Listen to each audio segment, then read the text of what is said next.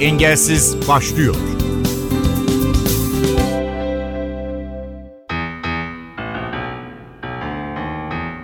...2022 yılının son Engelsiz programından merhaba ben Ayhan Aktaş. Bu bölümümüzde milli kadın tekerlekli sandalye basketbol sporcusu Yıldız Kartal'a yer veriyoruz.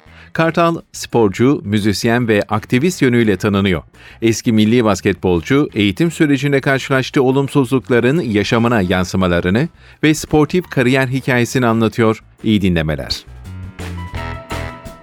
Ben ilkokulu örgün okuduktan sonra ortaokuluma engelim sebebiyle alınmadım. Bunu bu zamanki bu dönemde bahsettiğimde insanlara çok ilginç geliyor. Evet doğru duyuyorlar. Örgün okuyamadım ortaokulu çünkü engelsiz öğrencilerin psikolojileri bozulur gerekçesiyle. Gel gelelim ki bugüne şu an tüm o okullarda güçlü karakter olarak engelsiz öğrencilere sunum yapan bir insan olarak devam etmeye başladım. Ortaokula alınmayınca açık öğretimle bitirdim. Ancak o dönemde müzikle tanıştım. Tekerlek sandalye basketboluyla tanıştım kadın ligi olmadan erkeklerle mücadele etmeye başladım. İlk iki ayımda kendimi parkelerde lisanslı ve resmi müsabakaya katılan ilk beş oyuncudan biri oldum. Tam ortaokul dönemi açık öğretimle bitirdikten sonra liseye aileme dedim ki ben neden engelsiz öğrencilerin hakkı olan örgün eğitimimi neden ben de kullanmıyorum? Hı hı. Bir müdürün ya da bir okulun almamasıyla bu hayatıma şekil veremez diye nitelendirdim ve aileme Ankara'ya gidiyorum dedim. Evet. Ailem de çok şaşırdı. Çünkü hani normal şartlarda evdeki zaman içerisinde yaptığım işte sorumluluklarda vesaire kendime yetabiliyorum.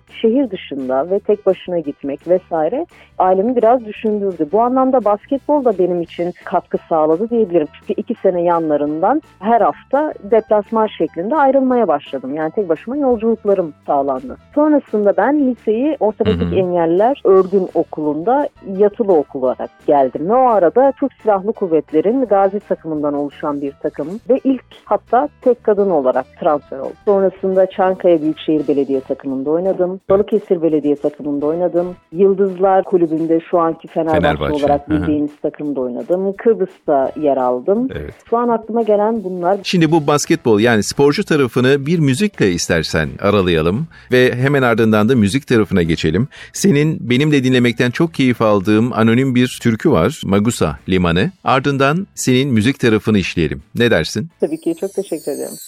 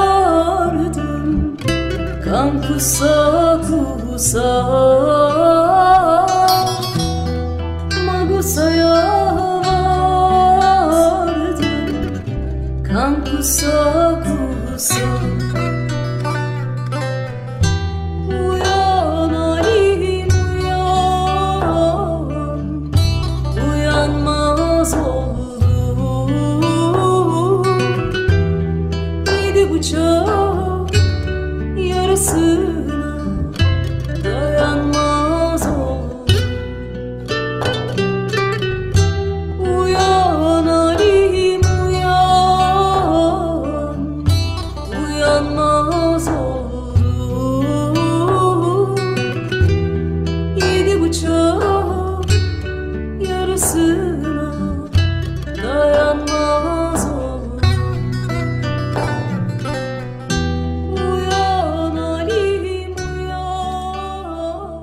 Yıldız Kartal, müzikle dolu bir ailede yetişmesinin bu alana yönelmesinde önemli rol oynadığını belirtiyor.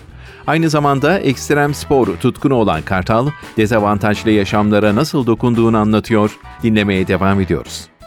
İlkokul zamanlarımda babam org çalardı. Oradan heveslenirdim. Bir dönem işte babamla başladı benim müzik serüvenim. Sonrasında babam sana yetemiyorum, hoca tutayım kararı aldı. Ama çok farklı makamlardan yani yaş grubuma uygun olmayan makamlardan girince biraz bana ağır geldi diyebilirim. Ortaokulu açık öğretimle bitirirken tabii ki hani boşluktasınız. Sizinle yaşıt olan insanlar okuldayken siz evdesiniz. Evet ders çalışıyorsunuz ama bu bir dönem yani kısa bir zamanınızı alıyor diyeyim. Geriye kalan vaktiniz boş ve kendinizi eksik hissediyorsunuz. Ben de bu eksikliği müzikle kapatmak istedim. Gitar çalmaya başladım. Ankara'ya geldiğim dönem şan eğitimi aldım. Konservatuvar hazırlandım. Kısa bir yan flüt eğitimim oldu. Tam konservatuvar işte sınavına girecekken acil ameliyata alınmak durumunda kaldım ve hayat çok daha farklı yönlerden yol açtı diyebilirim.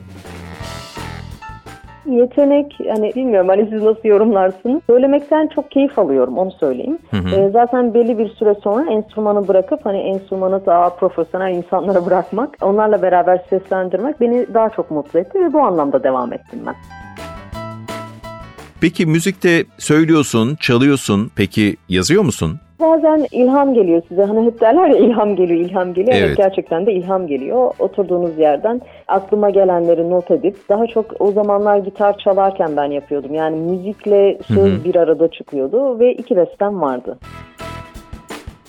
karakterimden mi kaynaklanıyor bilemiyorum ama hobi dünyasında da öyle. Yani bir sanatı öğrenirken yetmiyor bana. Biraz daha fazlası ve onu bütünleştirmek, onu harmanlamak. Hayat da öyle. Yani iş dünyasında öğrendiklerimi hayata uygulayabiliyorum. Basketbolda öğrendiğimi iş hayatında uygulayabiliyorum. Hani harmanlamayı seviyorum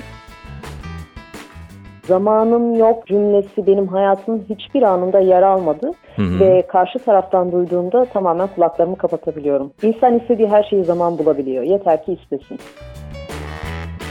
sonraki yıllarda fark ettim ekstrem tutkunu olduğumu. Uzun yıllar öyle bir ihtiyaç duymamıştım. Öyle bir eksikliğimi hissetmemiştim ama banki jumping yapma arzusu birden çıktı. Ondan öncesinde yamaç paraşütüyle denedim ben bunu. Yamaç paraşütünde gidip görüştüğüm hocalarım çok şükür ki at gözlüğü takan insanlar değildi. Çünkü sizin engelli olduğunuzu duyan hiçbir şekilde risk almıyor. Evet. Ama yamaç paraşütündeki hocalarım sağ olsunlar hani önümü açtılar ekstrem sporlarında öyle diyebilirim. Nasıl tutabiliriz, nereden tutabiliriz yapabiliriz, nasıl havalanabiliriz? Hani tamamen teknik. Oturup bildiğiniz toplantı yaptılar bunun üzerinde ve yamaç paraşütünü çok başarılı bir şekilde gerçekleştirdik. Ardından dedim ki neden banki jumping olmasın? Telefonla işte görüştüğümde tüm ayrıntıları görüştük ama ben engelli olduğumu söylemedim karşı tarafa. Çünkü biliyorum ki telefonun başında söylesem hiçbir şekilde konu devam etmeyecekti ve telefon kapanacaktı yüzüme. Tüm ayrıntılar, pazarlıklar vesaire gün, tarih, saat kararlaştırıldıktan sonra can alıcı cümlemi kuruyorum. Ben bedensel engelliyim dedim de neden bunu baştan söylemediniz dedi. Şu anki vereceğiniz cevabı vermemeniz için dedim. Hani toplantı gerçekleştirelim, ne yapalım, ne edelim diye. Yanlarına gittiğimde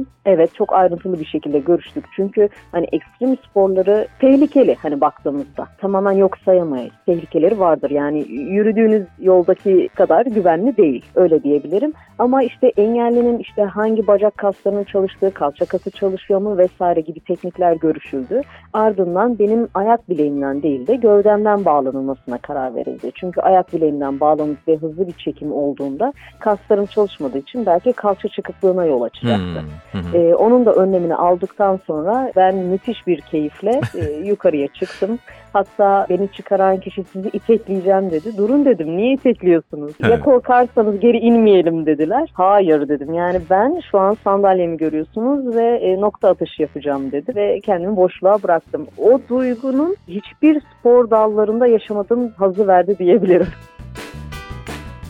engelli bakış açısı daha eski toplumlarda diyeyim. Şimdi çok da açtık bu durumu. Tamamen bakıma muhtaç bağımlı bireyler olarak adlandırılıyor. Oysa ki engel dereceleri biraz da kişinin özel yetenekleri, hayata bakış açısıyla beraber çok daha farklı durumlarda. Yani çok çok farklı engel grupları ve içlerinde de gruplaşmalar olabiliyor bu Hı-hı. anlamda. Hı-hı. Ben hayat, yaşam tarzımla engellinin neler başarabileceğini bir nebze de olsa göstermeye çok umut ediyordum ve çok şükür ki gösterdim. Ama diğer tarafta da gerçekten medikal anlamda desteğe ihtiyaç olan engelli bireyleri fark ettim. Kimi maddi zorluklardan alamamış, kimi gerçekten o medikal malzemeyi tanımıyor, ulaşamıyor. Bundan önce sevgi evlerinde ben kimsesiz engellerin bulunduğu sevgi evinde el sanatları alanında ara ara gidip workshoplar, atölyeler düzenliyordum. Amacım engelli bireylerin sanat anlamında neler yapabildiğini gösterebilmekti. Sonrasında şunu fark ettim. Gerçekten kullandığı malzemeler doğru sandalyeler değil. Yani sandalye birine sandalye alın destekte bulunun derseniz internete girecektir, satın alacaktır, gönderecektir. Ama tekerlek sandalye böyle bir şey değil. Yani ayak numarası belli olmayan birine farklı bir ayakkabı alıyor gibi hani düşünün. Bu anlamda ben 37 yıldır neredeyse sandalye kullanıyorum. Bu konuda destek olabileceğimi düşünerekten bu pandemi döneminde de işte dedim ya workshoplar yapıyordum. Hep yanlarında oluyordum. Kendime bilgisayarlı nakış makinesi aldım. Ve 2 saatlik bir online eğitimde geçmişimde de tekstil vardı. Hı hı hı. Desen çizip nakış işlemeye başladım. Tişörtlere, sivitlere, kasnaklara, cüzdanlara, çantalara. Bunu evet. da zaten çoğaltabiliyorsunuz hayal gücünüzle. Ve bunu satışa sundum. Satışın geliriyle de engelli bireylerin tekerlekli sandalyelerine, yeri geldi protezini yani bir çocuğun yürümesine şahit oldum. Evet. Yerde sürünen bir çocuk maddiyatsızlıktan, biraz bilinçsizlikten ailenin protezini yaptırdık. Çok şükür ki şu an parka koşa koşa giderek videolarını seyrettim. Bunu hani ben birilerine rol model olayım diye yaşamadım. Hep kendim istediğim için yaşadım. Başarmak istediğim için uğraştım, mücadelemi verdim. Ama birilerin hayatına dokunabildiğini görmek, şahit olmak. Ben çocuğumu kendim istediğim için doğurdum. Ama bir başka annenin evlat sahibi olmasına kapı açtığımı öğrenince tabii ki dünyalar sizin oluyor farklı bakış açıları var toplumda. Engelli engelliyle evlenecek. Ben hepsinin olabileceğine inanıyorum. Kesinlikle. Yani engelli engelliyle de evlenebilir, engelli engelsizle de evlenebilir. Engelli istemiyorsa hiç de evlenmez. Ben daha çok Instagram profilimde aktifim. Instagram üzerinden Estrella Design ismiyle bana ulaşabilirler her türlü. Sarılmak için kollarımıza ihtiyacımız yok diyorum. Yürekten sarılarım birbirimize. Sporcu, aktivist ve müzisyen Yıldız Kartal Engelsiz'de konuğumuzdu. Ben Ayhan Aktaş, teknik kumandada Ersin Şişman, mutlu ve sağlıklı bir yıl diliyoruz. Programın tüm bölümlerini ntvradio.com.tr adresindeki podcast sayfamızdan dinleyebilirsiniz. Engelsiz sona erdi.